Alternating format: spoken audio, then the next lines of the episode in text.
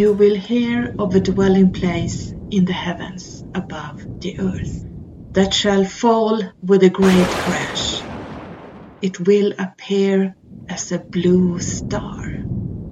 Very soon after this, the ceremonies of my people will increase. Du kommer alltså höra om en boning i himlen över jorden som ska falla ner med ett enormt brak eller crash. Det kommer att visa sig som en blå stjärna och mycket snart efter detta kommer mitt folks ceremonier att upphöra. Idag ska jag igen prata om min tribe, min Hopi tribe, eh, Hopi and the Ant People, the Blue Star Kachina och även Red Star Kachina. Det finns mycket kring Hopis för flera tusen år sedan och jag tänker vi ska gå in i detta idag. Eh, de har faktiskt connection med Anunnaki. Jag har gjort ett avsnitt med Susanne Divinsky på Skyrocket-podden. Jag kan lägga en länk här under som handlar om just Anunnaki. Och det finns en koppling till Anunnaki när det gäller Hopi-stammen, när det gäller Orionbältet, när det gäller Siriusstjärnan och även Nibiru. Vi pratar alltså idag om Hopi and the Ant People, the Blue and the Red Star Kashina. Vi ska även prata om eh, kvinnorna och Princess Leia. Alltså Hopi-kvinnorna, vad har de för connection med Princess Leia? Det kanske inte är många som vet. Välkomna in! Vad spännande!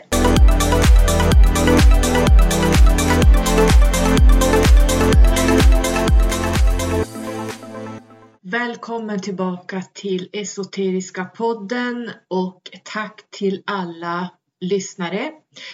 Eh, Esoteriska poddens lyssnare är ju väldigt intellektuella, ni är väldigt vetgiriga, ni är väldigt högt eh, uppvaknade kanske jag ska säga. Så att eh, här kommer då en, ännu ett avsnitt av Hopis. Jag har ju pratat väldigt mycket om Hopis, min tribe, i den andra podden Skyrocket. Och nu känner jag att det är dags igen därför att det strömmar in fortfarande väldigt mycket frågor kring Hopis.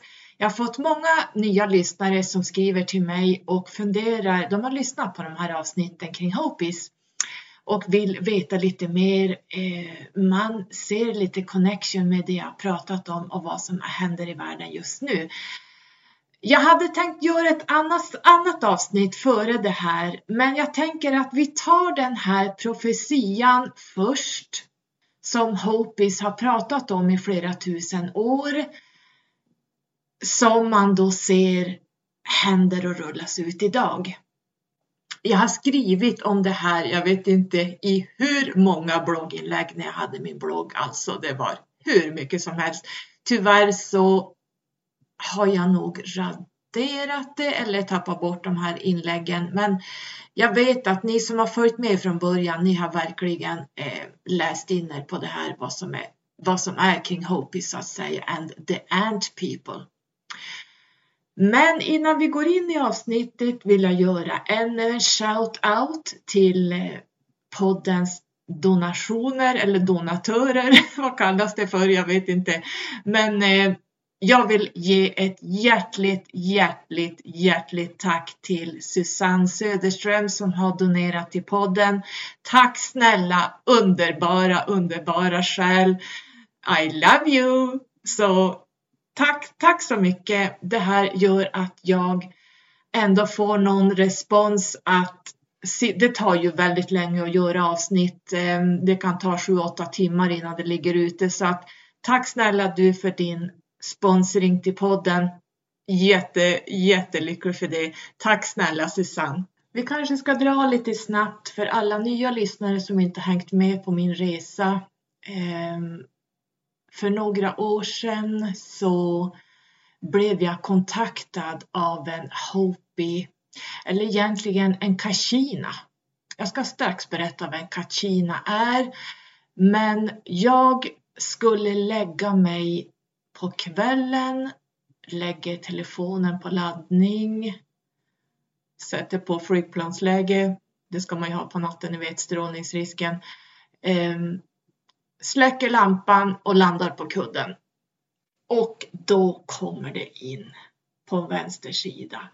Det var som en megafon in i örat. Alltså jag är ju väldigt klärhörande. Jag, det är ju kanske mitt starkaste mediala verktyg. Jag, kan, jag har alla. Jag har Eh, klärkännande, klärseende, klärvetande, men framförallt klärhörande. Alltså jag får in röster, de pratar precis lika högt som ni hör mig och ännu högre.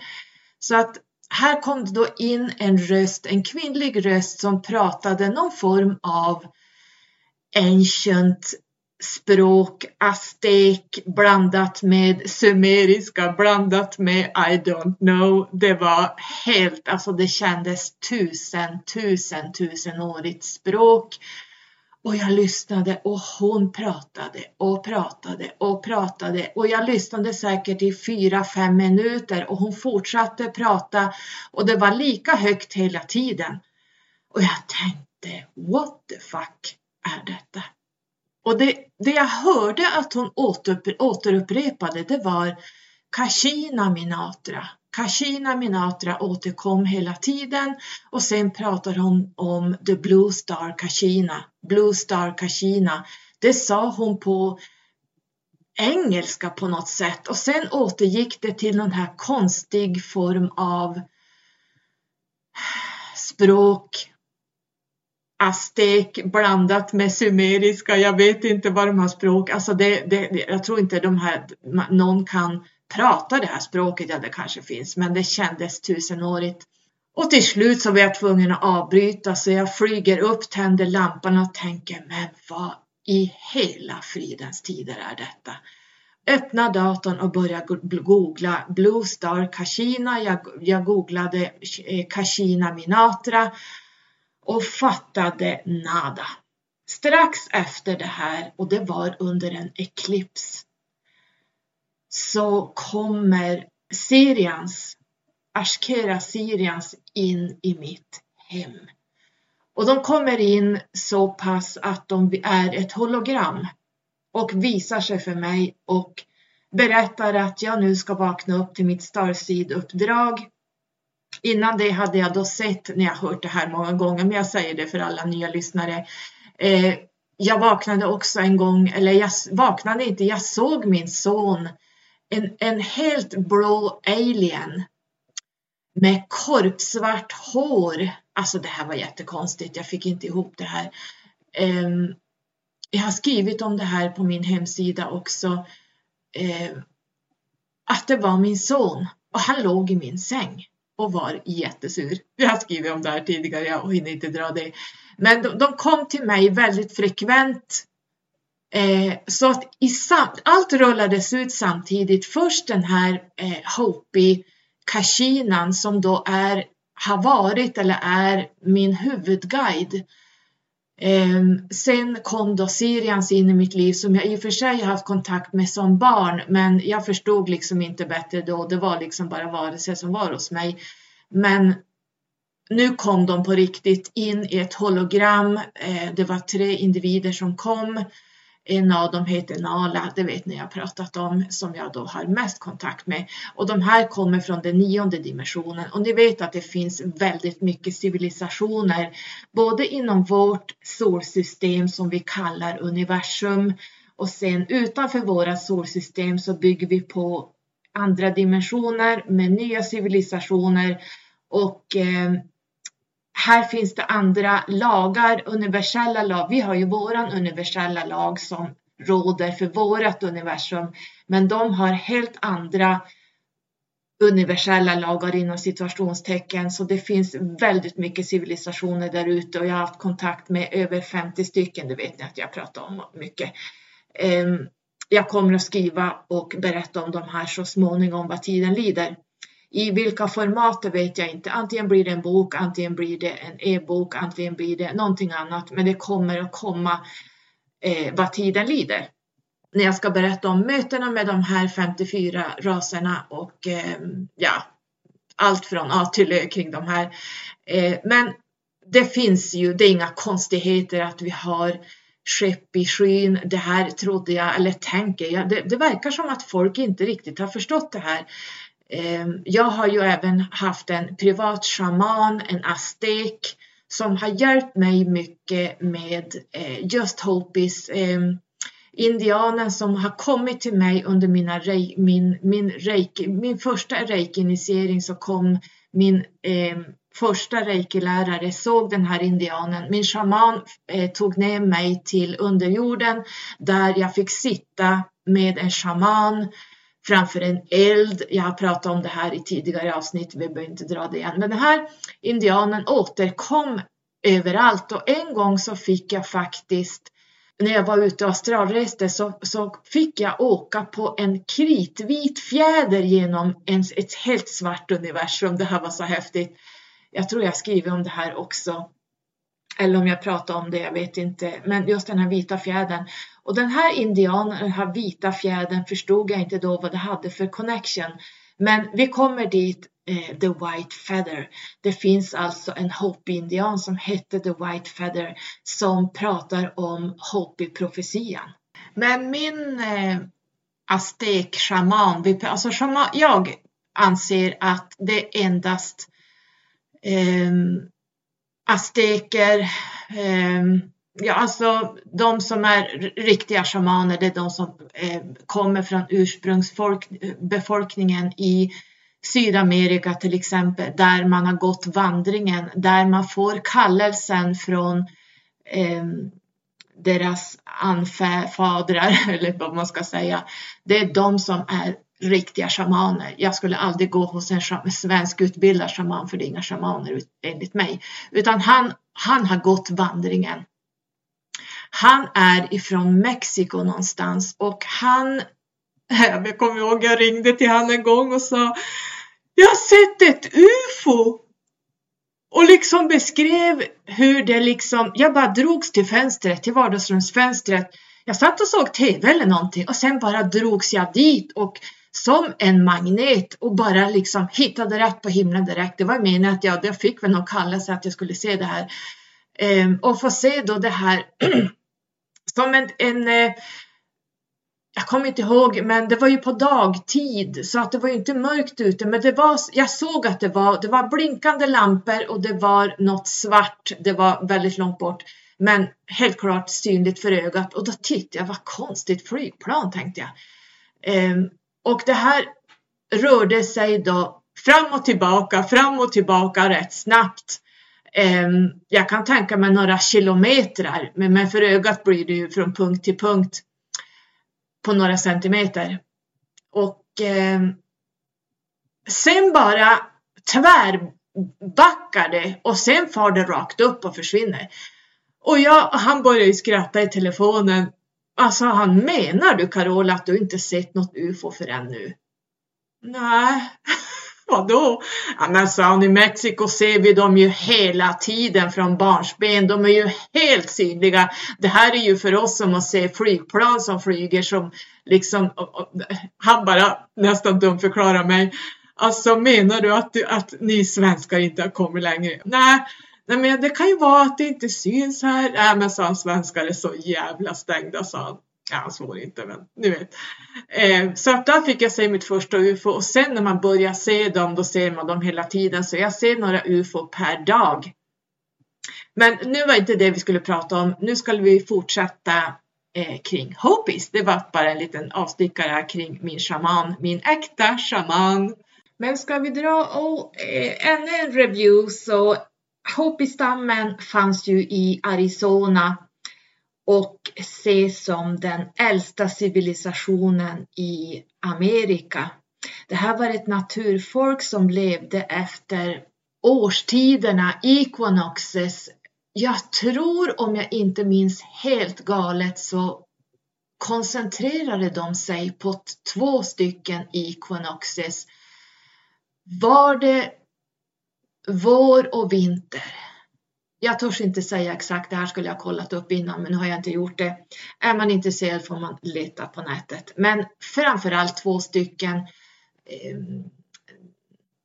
alltså skiften i vårat eh, vår, sommar, höst och vinter.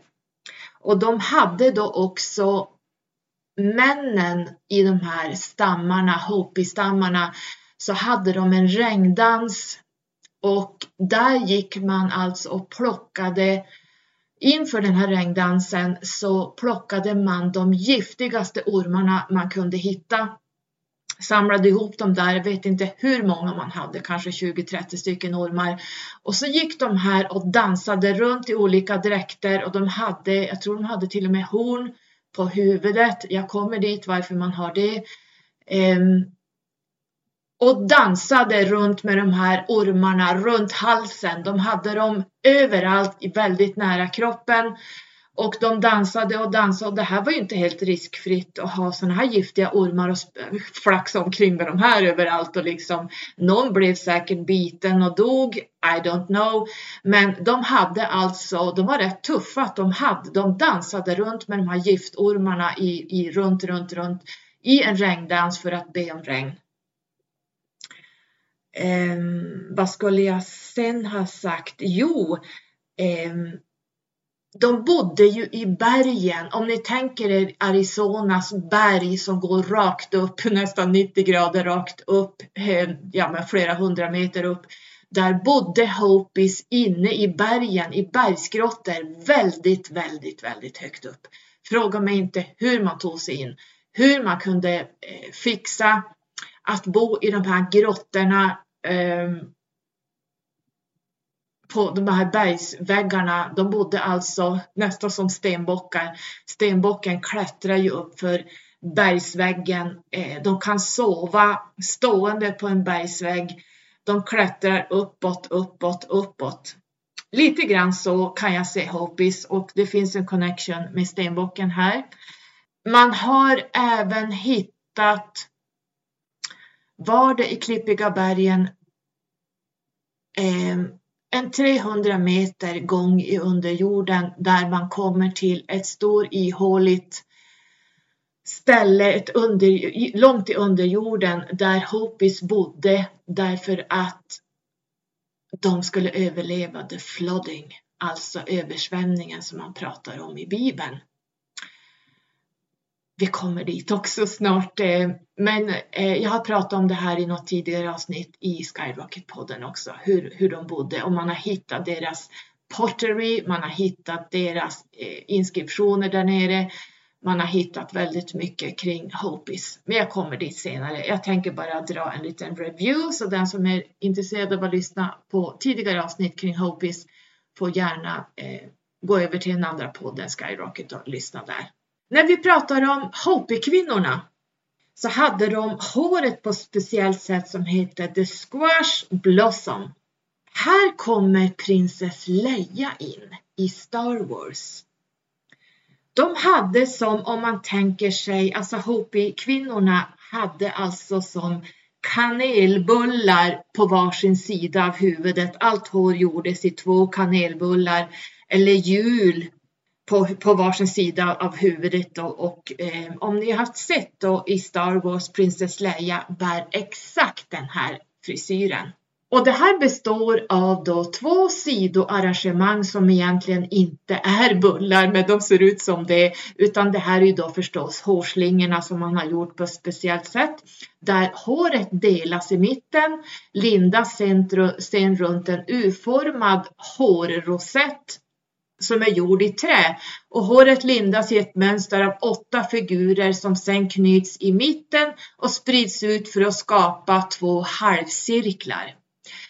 Och det här, stå, det här squash blossom är en symbol för fertilitet så att det var bara de eh, unga kvinnorna som ännu inte hade någon man eller barn som hade de här frisyrerna för att visa att de är tillgängliga och fertila. De äldre kvinnorna hade som vanligt indianflätor och sådär så att eh, jag kommer att lägga upp bilder på allt jag pratar om i ett Instagram-inlägg så då får ni se där hur det här håret såg ut. Så eh, efter det här avsnittet kan ni kika in på min Instagram så ser ni eh, bilder från det här avsnittet där på Let's Skyrocket official-kontot. Jag har ju många konton men det är ju mitt eh, företagskonto och som sagt var, ni vet att jag är inte bara en numerolog utan jag är väldigt mycket, jag jobbar med eh, galaktiskt, jag jobbar med aliens, jag jobbar med reiki, jag jobbar med heliogeometrin, jag jobbar med energier, jag jobbar med personlig utveckling, ja, listan tar aldrig slut. Så att, eh, jag är väldigt eh, multitask woman kan man väl säga. jag, jag har mina fingrar i alla burkar och jag tycker det är jättekul. Men där på min eh, officiella Instagram kan man hitta ganska mycket av sakerna som jag pysslar med.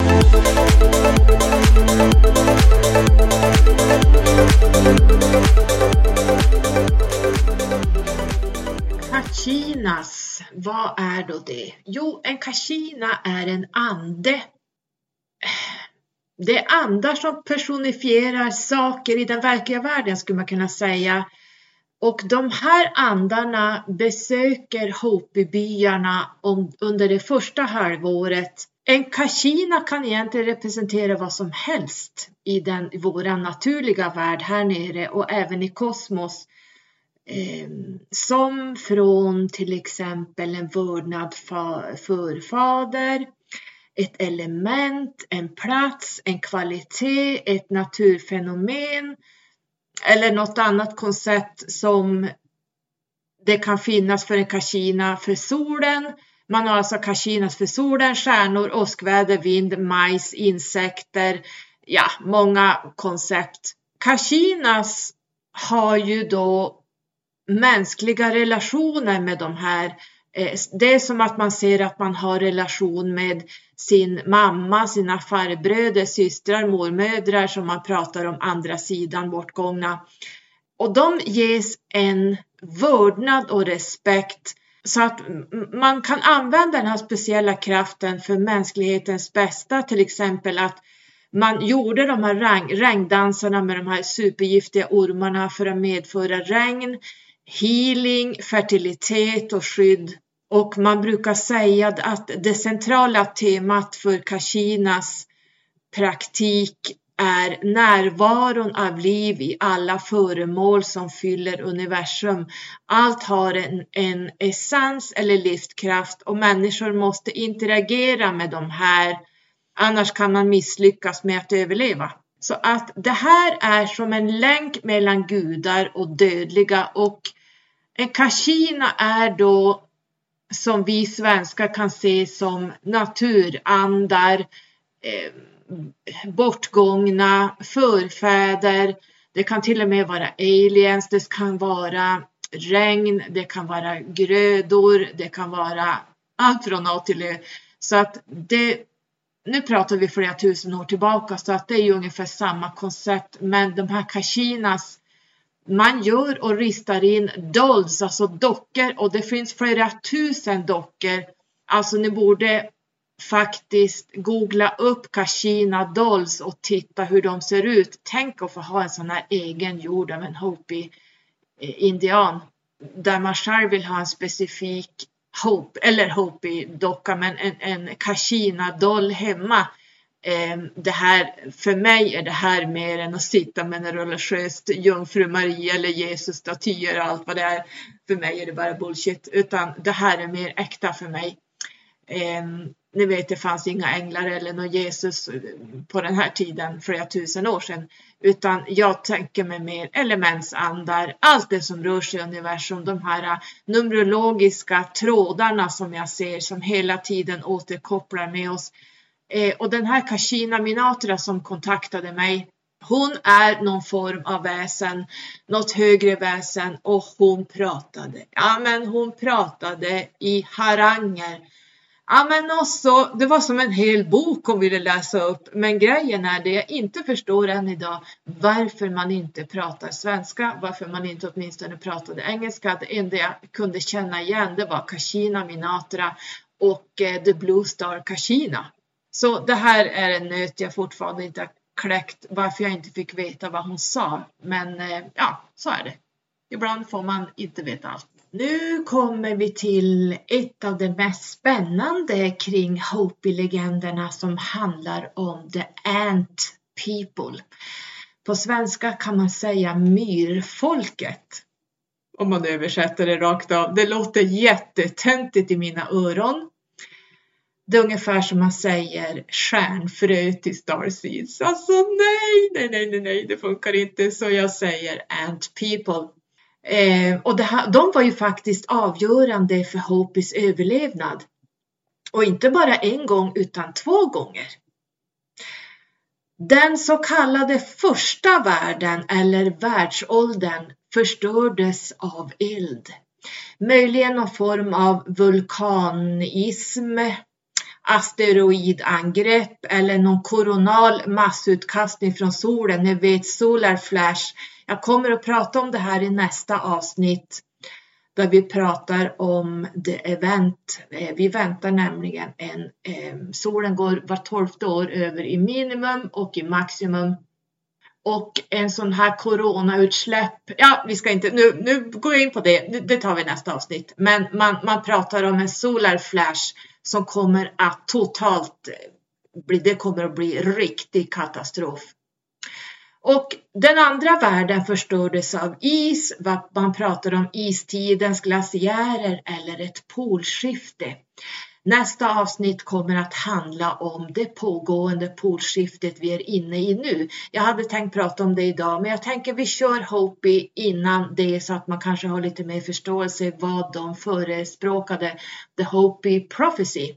Men under de här två globala katastroferna vägleddes med medlemmarna, de här Hopi-stammarna, av ett udda format moln under dagen och en rörlig stjärna på natten som ledde dem till eh, en himmelsgud som kallades för Sotuknang. Jag vet inte hur man säger det, men Sotuknang, Sotuknang, ja.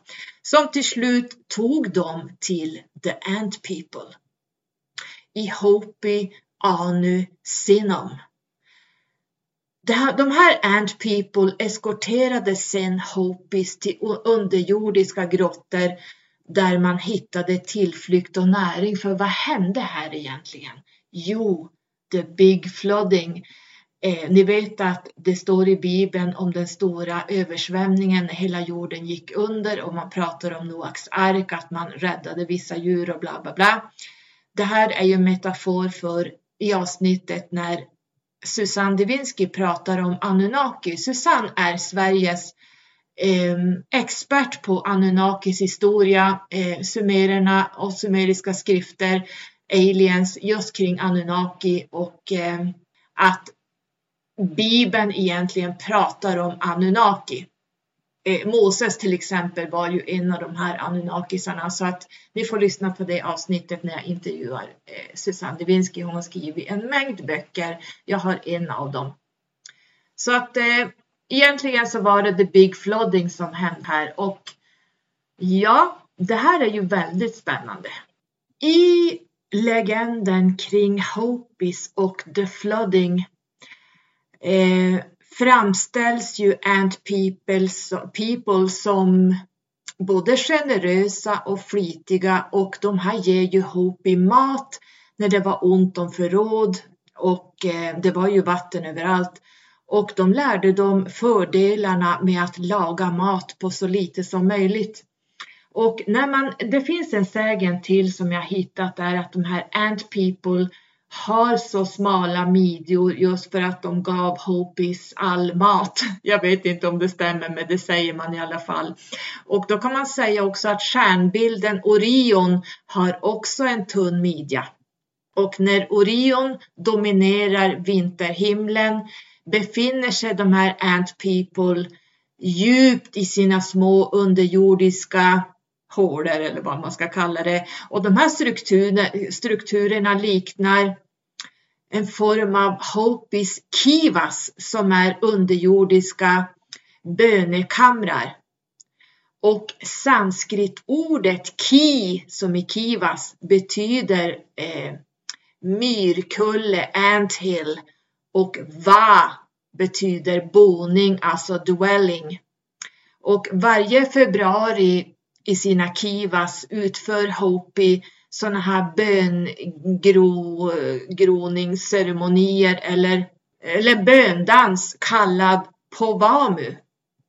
Under den här tiden så hålls bränderna kontinuerligt i lågor. Man har liksom eldar överallt vilket gör att de här strukturerna ger fantastiskt heta hus och ritualen firar en tid då Anu Simon lärde Hopi hur man gror bönor i grottorna för att överleva.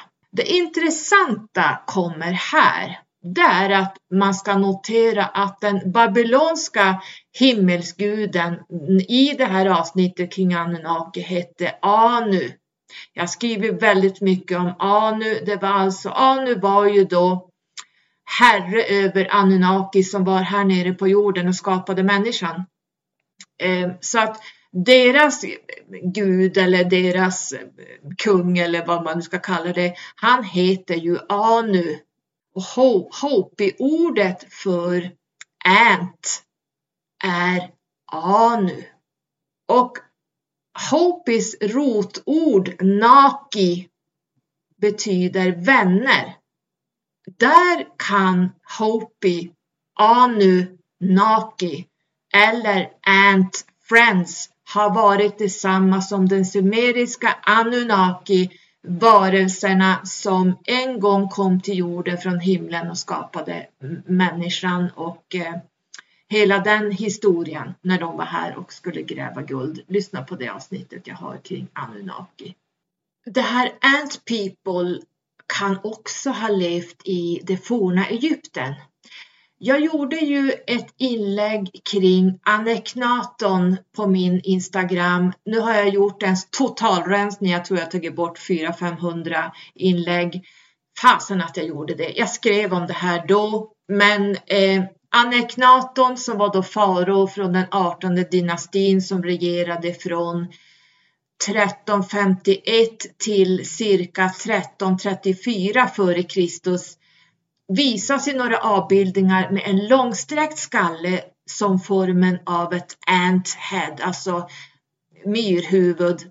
Hans mandelformade ögon och hals är som myrans och eh, ormen eller gamen på hans är det huvudbonad liknar myrans underkäkar. Han har också spinkiga armar och ben som myrorna har och hans överkropp liknar myrans bröstkorg medan hans underkropp speglar myrans mage. Ta och titta ska ni få se. Och den här aneknatens kroppstyp kan specifikt jämföras med den här faraomyran som kallas för Momonirum faraonis, något sånt, som har sitt ursprung i Västafrika.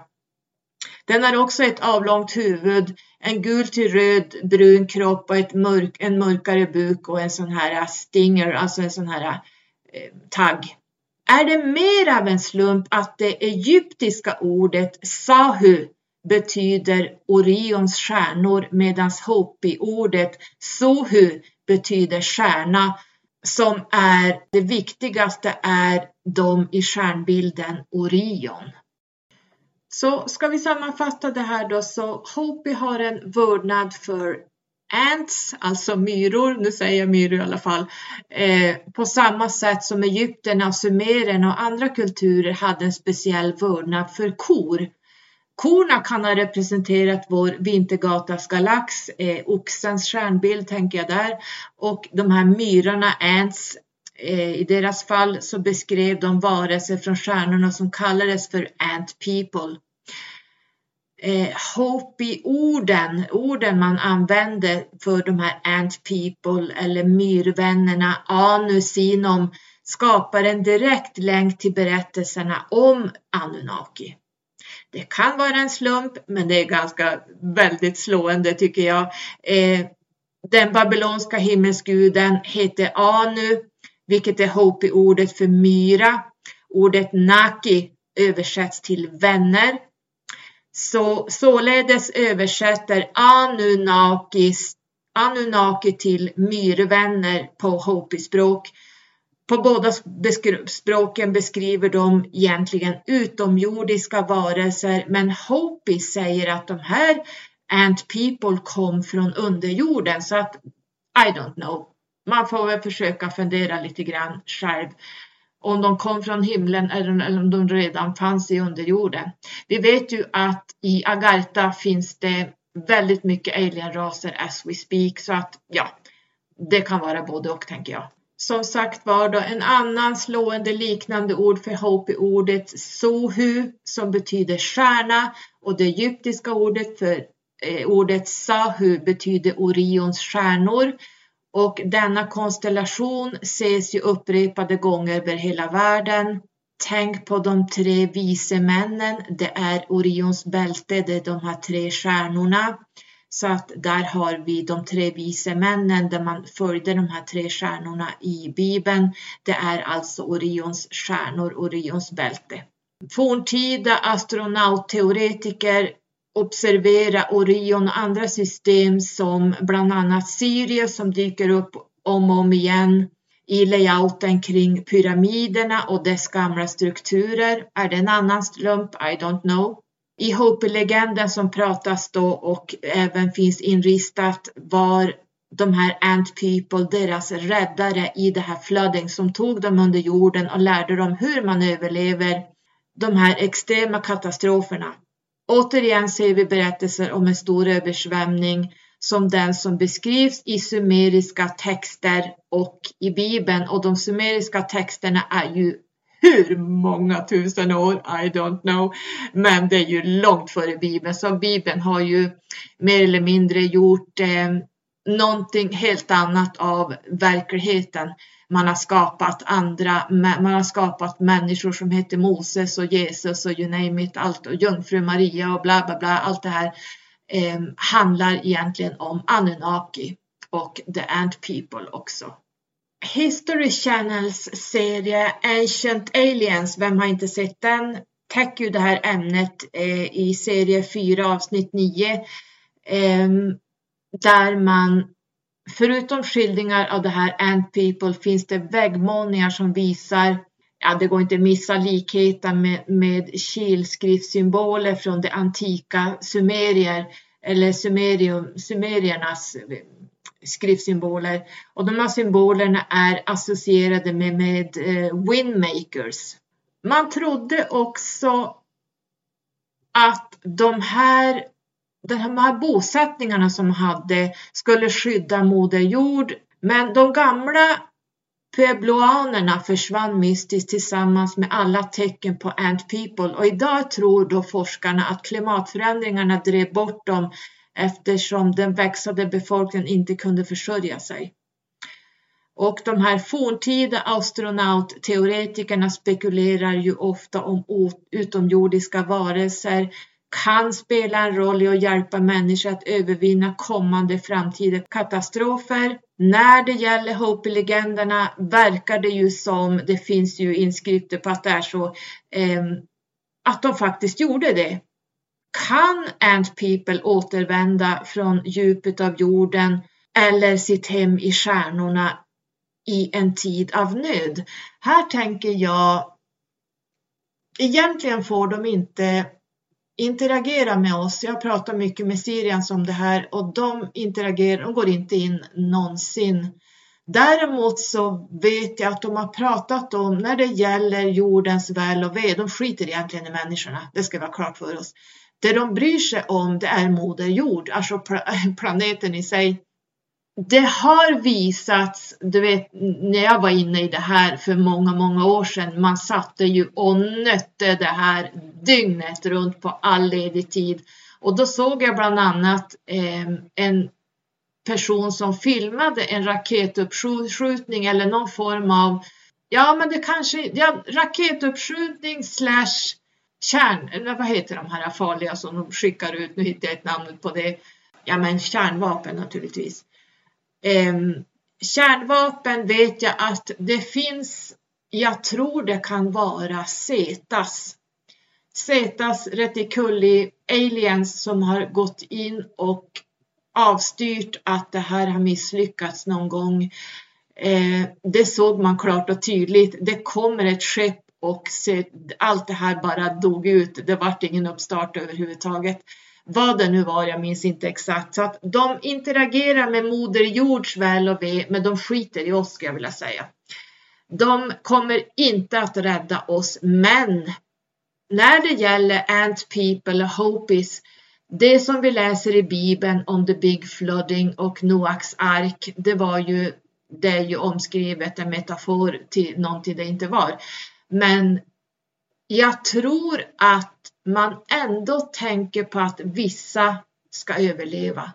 Vissa djur ska överleva, vissa människor ska överleva och vilka är det man plockar ut som ska överleva? Ja, inte fan är 3D-människor, karriärister och sådana som är helt stängda och bara håller på med, ja, ni vet vad jag brukar prata om. De kommer man nog inte att bry sig om, utan det är de som likt Hopi-folket som helt och hållet lever och vörnar för Moder Jord och eh, ja, men allt liv. Där kan man nog tänka sig att man kanske väljer ut ett specifikt folk eller en specifik grupp som eh, ska räddas. Men frågan är, människan har väldigt dåligt rykte inom situationstecken när det gäller eh, våra civilisationer där ute. Vi är vi får inte vara med i några, som jag berättade tidigare, vi får inte vara med i några federationer. Vi tänker att släppa ut människan i några federationer eller något sånt. Åh herregud! Alltså vi är så låg, vi är så djur. Vi håller fortfarande på med sexualitet och eh, sex och eh, det här eh, kvinnliga sexualiteten. Det här är djuriskt. Det här är för, eh, det här handlar bara om att föröka sig. Vi ska veta att de här civilisationerna förökar sig inte på det sätt som vi förökar oss som djuren. Parningsritualer, annars skulle det inte bli några barn. Så att det är bara hormonstyrt och att så länge man håller på med sånt här lågfrekventa saker, djuriska saker, att dräpa ett djur och de lider hela livet för att vi ska sitta och äta upp andra varelser. Vi är fortfarande på stenåldern, alltså det här är ju bara djuriskt allt det tredje människan håller på med. Det är precis som Pythagoras sa, han har ju pratat, han var ju vegan redan för just det, jag har fått faktiskt en kvinna som påminde mig att Pythagoras levde 3500 år före Kristus. Jag sa att han levde för 3500 år sedan. Det var före Kristus. Sen är vi inne i 2000 år efter Kristus. Vi pratar 5500 år sedan eh, Pythagoras levde, om rätt ska vara rätt. Så att eh, där redan på den tiden för 5500 år sedan så var Pythagoras, han åt inte ens bönor, han, åt, han var vegan på den tiden. Så att det var en annan tidsålder då. Vi var inte i Kalis ljuga utan the time of destruction och vi är inne i en mörk period som jag brukar säga och vi kommer gå ännu mörkare in i en period och jag kommer att prata om det i nästa avsnitt vad som komma skall. Um, men för att återgå då till det här att eh, jag tänker mig att man värnar om Moder Jord, men människan står väldigt lågt kring våra civilisationer där ute. Vi har inte kommit så långt överhuvudtaget. Så att eh, frågan är, bryr man sig om att människan ska överleva? Jag tror inte det. Jag tror att de ser hur vi behandlar varandra, hur vi behandlar Moder Jord och hur vi styr och ställer och går över lik för att komma dit man vill. Alltså man krigar om länder än idag 2022. Vem fan äger ett land? Ingen. Det är Moder Jord som äger ett land. Jag har mitt ställe, min skog i Västerbotten. Jag äger inte den, men jag äger den. Det är Moder Jord som äger den. Jag bara gör vad jag kan för de här träden. Eh, förstår ni skillnaden? Jag äger ingenting. Allt det vi äger, våra hus, lägenheter, allt som vi har köpt, det är banken som äger. Så att vi äger ingenting. Allt är korrupt, allting handlar om att tjäna pengar. Och i de här högre civilisationernas ögon så är vi så lågt stående. Vi är, vi är sämre än våra djur som vandrar på jorden. Förstår ni? Vi, alltså vi är så lågt stående. Vi håller på med sexualitet och vi håller på och utforskar kvinnliga och manliga sidor och komma i balans hit och dit. Ni förstår, de är tusentals år före oss. Vi har inte kommit så långt överhuvudtaget. Sist vi hade en hög intelligens, det var på Lemuria-tiden. För att, men då var det inte människor som var här. Lemurianerna var inte människor. Det ska man ha klart för sig. Så att eh, det, det, var en annan civilisation som var på 5D där man levde helt som Hopis. Man levde helt med naturen. Hopis äter dock, tror jag, kött. Jag törs inte säga det, men de pratar mycket om blue corn. De odlar blå, blå korn. Jag törs inte säga om de äter kött. Eh, jag vet att andra indianstammar gör det, men lemurianerna gjorde det absolut inte. Det var, det var en civilisation som var här, de var inte människor helt enkelt.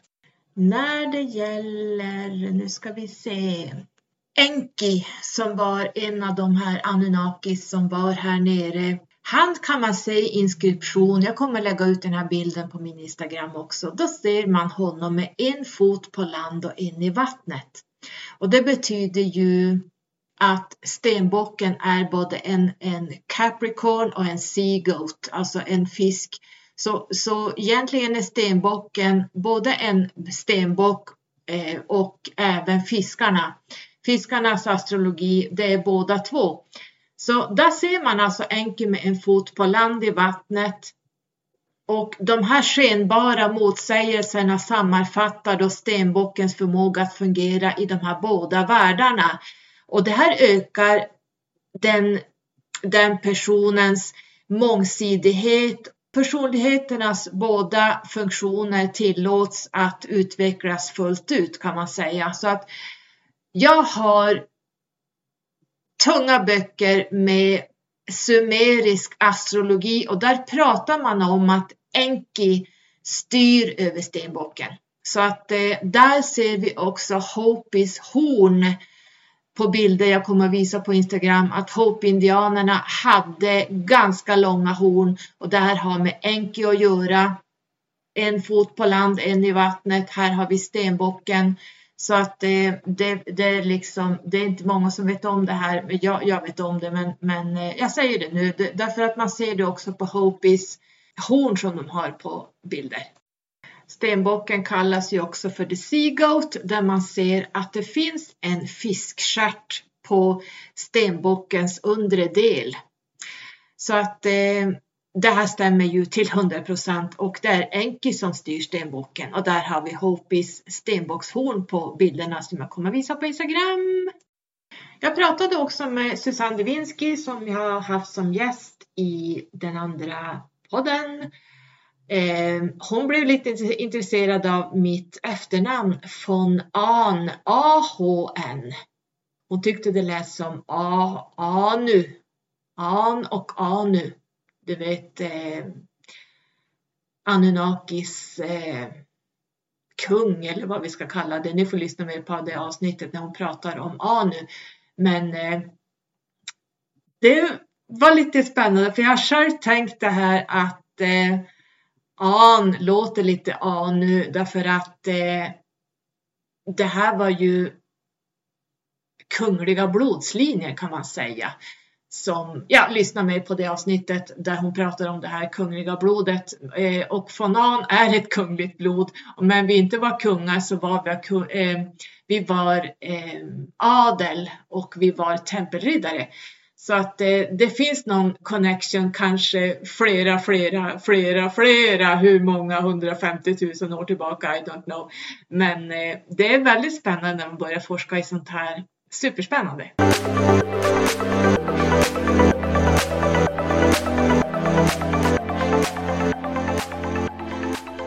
Ska vi då gå in på Hopi-profetian?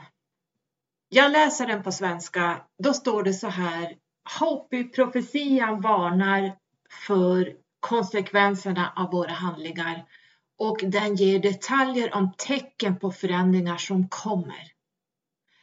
En forntid Hopi-profetia säger När den blå stjärnan Kashina dyker upp i himlen kommer den femte världen att dyka upp. Detta kommer att vara reningsdagen. Den första världen förstördes av eld. Den första världen skapades av skaparen och gudarna eller guden Sotuknaug som jag pratade om tidigare och Spiderwoman. Kanske ska jag prata lite grann om Spiderwoman som lärde Hopi att vördna om skaparen men Hopis glömde och den första världen förstördes av eld och människorna som hade kommit ihåg skaparen tog sin tillflykt under jord hos the Ant People. Den andra världen förstördes av is. Andra världen skapades för deras uppkomst från underjorden. Den var vacker som den första världen, men i andra världen litade djuren inte längre på Hopi. Tro väl fan det. Titta hur vi än idag håller på och mördar och slaktar allt i våra väg. Hopi glömde än en gång skaparen och världen frös fast i is och förstördes. Nu ska ni ju veta att på den här tiden, det här är ju många tusen år sedan så att därav skrivs det på det här sättet. Tredje världen förstördes av översvämningar. Hopi leddes av gudarna och dök upp från underjorden till den fjärde världen, det vill säga dagens jord. Slutet på den fjärde världen signalerar starten på den femte världen enligt Hopi-profetian. Hopi-profetian om den femte världen relateras av White Feather, honom som jag själv har träffat. Oh, jag fryser när jag tänker på det, jag ser det framför mig. En Hopi från den antika björnklanen. Och han säger som följer. Nu ta, nu berättar jag det här rent allmänt. Det finns, ni får själva googla och titta Hopi-profetian på engelska. Men jag säger det lite allmänt så här. Jag har skrivit ner. Den fjärde världen kommer snart att upphöra och den femte världen kommer att börja. Det, detta vet den äldste överallt. Tecknen under många år har uppfyllts och så få finns kvar. Hopi-profetians tecken och tolkning leder till starten av den femte världen. Hopi-profetian berättas av White Feather talar om de tecknen som kommer att förebråda den femte världen. Tecknen tolkas enligt följande. The first sign of guns. Det vet ni vad det betyder. Det andra tecknet är pionjärernas täckta vagnar. Man såg, eh, de pratar om eh, Iron Snakes eller något sånt där och det är ju naturligtvis eh, eh, tåg, eh, railways, vad heter det på svenska? Eh, järnvägar naturligtvis. Och det tredje tecknet är långhornsboskap. Det fjärde beskriver eh, då, som jag sa tidigare, järnvägsspåren och det femte tecknet är en tydlig bild av våra el och telefonlinjer eh, det webb och även internet.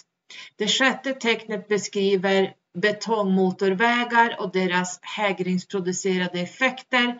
Det sjunde tecknet förutsäger oljeutsläpp i havet.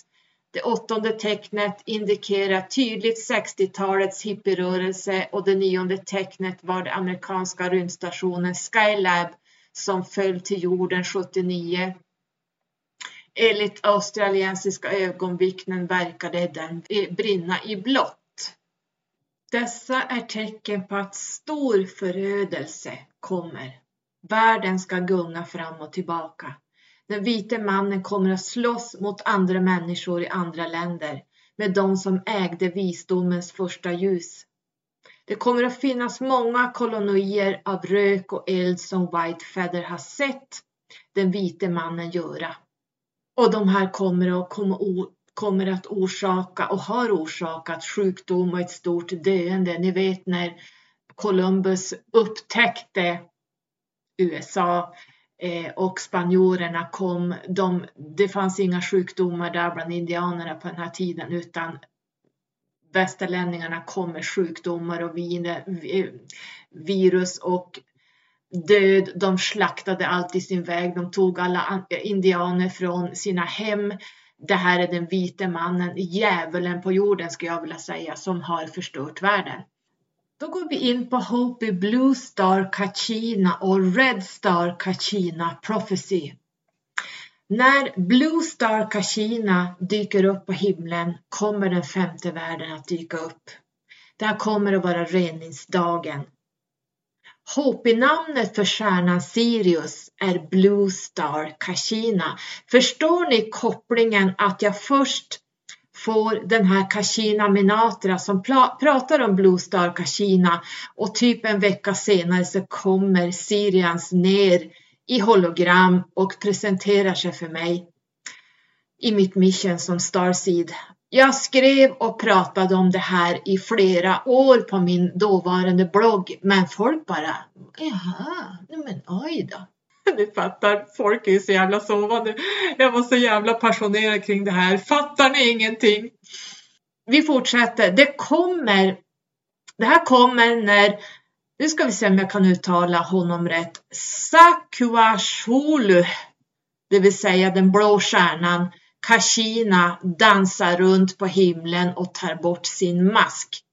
Ni vet att Hopis har masker i alla sina danser och allting så att de ser det som så. I de sista dagarna vi har att uppleva kommer vi att titta upp i vår himmel och vi kommer att bevittna återkomsten av de två bröderna som hjälpte till att skapa den här världen. Det står i födelsetiden, alltså jag tänker mig att när polerna skiftade sist. Därför att Pongang, Pongang Hoya är vår Nordpols väktare och hans bror Palong Bahoya är Sydpolens väktare.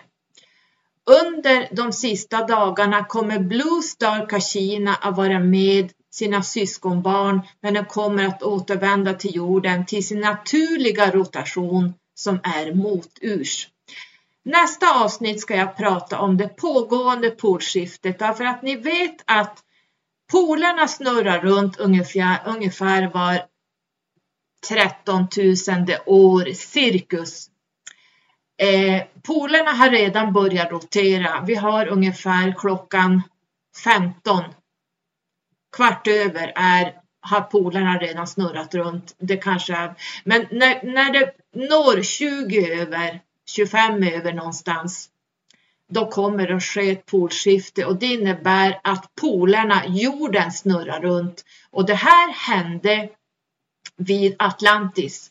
Atlantis gick under när polerna skiftade och Atlantis är för 13 000 år sedan cirkus. Ehm, så här gör polerna hela tiden. De snurrar runt. Och just nu är polerna felvända. Det är därför vi har the time of destruction. Vi har Kali Yuga. Vi ser att det finns hur mycket civilisationer under vattnet. Man kan hitta undervattensstäder som är, ja men det är slott och det är byggnader och allting. Det är trappor, det är allting, hela städer ligger under vatten. Det är därför att i sista polskiftet vi hade så kastades polerna om och allting förändrades. Det som var land blev under vatten och tvärtom. Så att vi är i fel vänd. Så att man ska kunna tänka sig att Hopis såg det här som två tvillingbröder som eh, håller fast norra och södra polen. De ser det ju som så på den här flera tusen år sedan. Men idag vet vi att det handlar om att det, det sker snart ett polskifte. Vi vet inte när, men det kommer. Så jag ska prata om det här i nästa avsnitt. Så eh, vi fortsätter. Återkomsten av Blue Star Kachina som också är känd som Naiga Sohu kommer att vara väckarklockan som berättar om den nya dagen och det nya sättet att leva, en ny värld som kommer. Och jag kan säga de som överlever det här, det här kommer att bli katastrof, katastrof. Jag tror inte man förstår vilken katastrof det här är. Corey Good har pratat om det här väldigt mycket. Det här är förändringarna som kommer att börja. Det kommer att börja som eldar som brinner inom oss även utanför oss. Vi vet att det har varit bränder i Amazonas, det har liksom varit bränder överallt och vi kommer även att brinna upp av alla våra önskningar och konflikter, egot, ha, ha, ha, jag ska synas, jag ska fram, eh, jag gör vad som helst för att få följare och liksom bla bla bla. Och vi kommer inte ihåg de här ursprungliga lärorna. Vi kommer att tvingas återvända till det fridfulla sättet att leva. Vi är där nu, Agenda 2030. Vi kan snart inte leva i varken världen eller i Sverige. De höjer räntorna, de höjer maten, de höjer bensinen, de höjer elen. De gör allting för att vi inte ska kunna leva. Vår födslorätt är att ha mat på bordet och tak över huvudet. Det här försöker man i Agenda 2030 att ta ifrån oss och folk tycker att ja, men det här kommer att gå över någon gång. Det kommer det inte att göra så länge vi inte fattar vad som står bakom det här. Inte långt bakom de här tvillingarna som styr norra och södra polen kommer The Purif Purifier, alltså eh, The Red Star Kashina. Som att, kommer att föra med sig på reningsdagen en purifier, alltså rening. Den här dagen kommer jorden och hennes varelse och allt liv som vi känner till att förändras för alltid. Jag tänker undergång. Det kommer att finnas budbärare som kommer att föregå deras ankomst av den här renaren. Det kommer, de kommer att lämna meddelanden till dem på jorden som minns de gamla sätten. Budskapet kommer att finnas skrivna i den levande stenen som de heliga kornen och till och med vattnet. Sådana här skärcirklar hittas i is eh, där Hopis har gjort sådana inskriptioner. Från den här reningen, Purifier, kommer ett stort rött ljus att sändas ut. Allting kommer att förändras i en sätt att vara. Man blir tvingad. Varje levande varelse kommer erbjudas möjligheten att byta från det största till det minsta. Det som återvänder eh, till de vägar som gavs oss i de ursprungliga lärarna och lever ett naturligt sätt, kom alltså leva med jorden eh, kommer att inte beröras av renarens ankomst. De kommer att överleva och bygga den nya världen. Och här har vi, eh, om vi tänker oss Bibeln och Noaks ark, det kommer att bli vissa som överlever. Vissa arter kommer att överleva resten av demonerna som vandrar på jorden, det vill säga den tredje människan, kommer att gå under. Och endast de gamla lärarna kommer ha förmågan att förstå budskapet. Så att The Red Star Kashina är Niburu. Niburu kallas ju The Planet of Crossing eller Crossing något sånt om jag inte minns fel. Jag borde ha kollat upp det, men Niburu har ju en omloppsbana, vad sa Susanne, 3600 år någonting så att när Nibiru återvänder till våran, eh, vårat universum och omloppsbanan här så kommer Nibiru att eh, det kommer att bli, om man säger så här, Anunnaki och Hopi, profetian och det har, allting är connectat. Hur det är connectat, det törs jag inte riktigt säga för jag kan för lite. Det kanske jag ska bjuda in eh, Susanne igen. Men eh, The Red Star Kashina är Niburus återkomst och här kommer Anunnaki, skaparen av både vårat stjärnsystem, alla planeter och eh, människan att återvända. Det är våra skapare. Det, vi har även Sirius inblandat i det här. Sirius är ju den andliga solen, the spiritual sun, som står bakom våran sol. Så att den, Sirius, det är därför Sirius kom till mig också eh, i samband med att jag fick eh, ett klärhörande meddelande från en, en eh, Kashina som kallas Kashina Minatra som pratar om The Blue Star Kashina, vilket är Sirius enligt Hopis, Hopi-folket. Och The Blue Star Kashina är Niburu, the planet of crossing. Så att det är det som väntas. Eh, när det här blir, det kan jag inte säga, men det är på gång. Eh, vi tar det i nästa avsnitt, tänker jag. Där jag ska prata om det pågående polskiftet, the solar flash, eh, vad som komma skall. Det kommer att bli en stor katastrof. Eh, många säger att den här, eh, det är det som man kallar the great awakening. Ja, det kommer att bli great awakening, tro mig. Oh my god! För de som överlever och de som inte överlever, ja, i deras andliga tillstånd kommer man att förstå lite mer vad man har pysslat med i den här tredje världen. Men eh, eh, The Great Awakening är the solar flash. Många tror att vi blir andligt uppvaknade och sånt där jävla svammel. Glöm det bara. Eh, det handlar om att det kommer att bli ett stort polskifte. Jorden snurrar runt. Det som är länder idag kommer hamna under vatten och tvärtom. Det, blir, det vill säga när vi vänder polerna då blir det den rätta då, då, byter vi tidsålder så att säga. Det är så här tidsåldrar förändras. Det sker polskiften. Och eh, vi har ett väldigt försvagat eh, eh, magnetfält just nu. Det finns anledning till det också, men jag ska gå in på det i nästa avsnitt.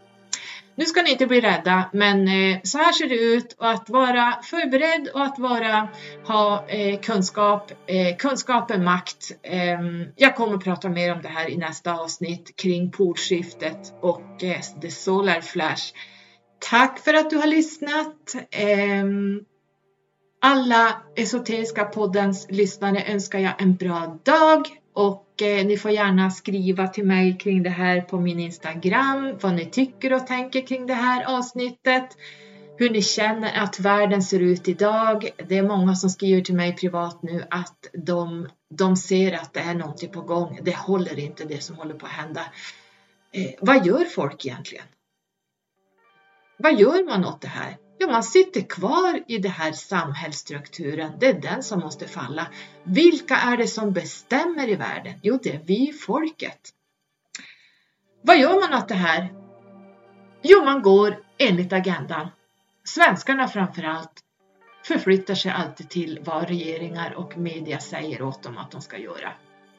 Vi är så snälla så att vi, vi, vi tackar och bugar. Oj, oj, oj, tack för att jag får 60 000 i elskatt eller el, i eh, Priser Eh, att jag ska betala 60 000 över vintern. Tack snälla, oj vad, vad fint att, men det kanske blir bättre snart. De lovar säkert någonting. Vi kanske får något bidrag. Ni vet, Sverige ska ju byggas på bidrag och var ska man ta de här pengarna ifrån? Jo, från skattebetalarna. Så att vi som betalar skatt, vi, vi, vi får, alltså det, det här är, man kan inte bygga ett land på skatter. Hur som helst så, det vi måste göra är kliva av samhället. Helt och hållet. Vi måste bli egenförsörjande. Vi måste gå Hopis eh, agenda. Vi måste liksom leva som de levde. Vi måste ut i skogarna. Vi måste kliva av helt och hållet från det här.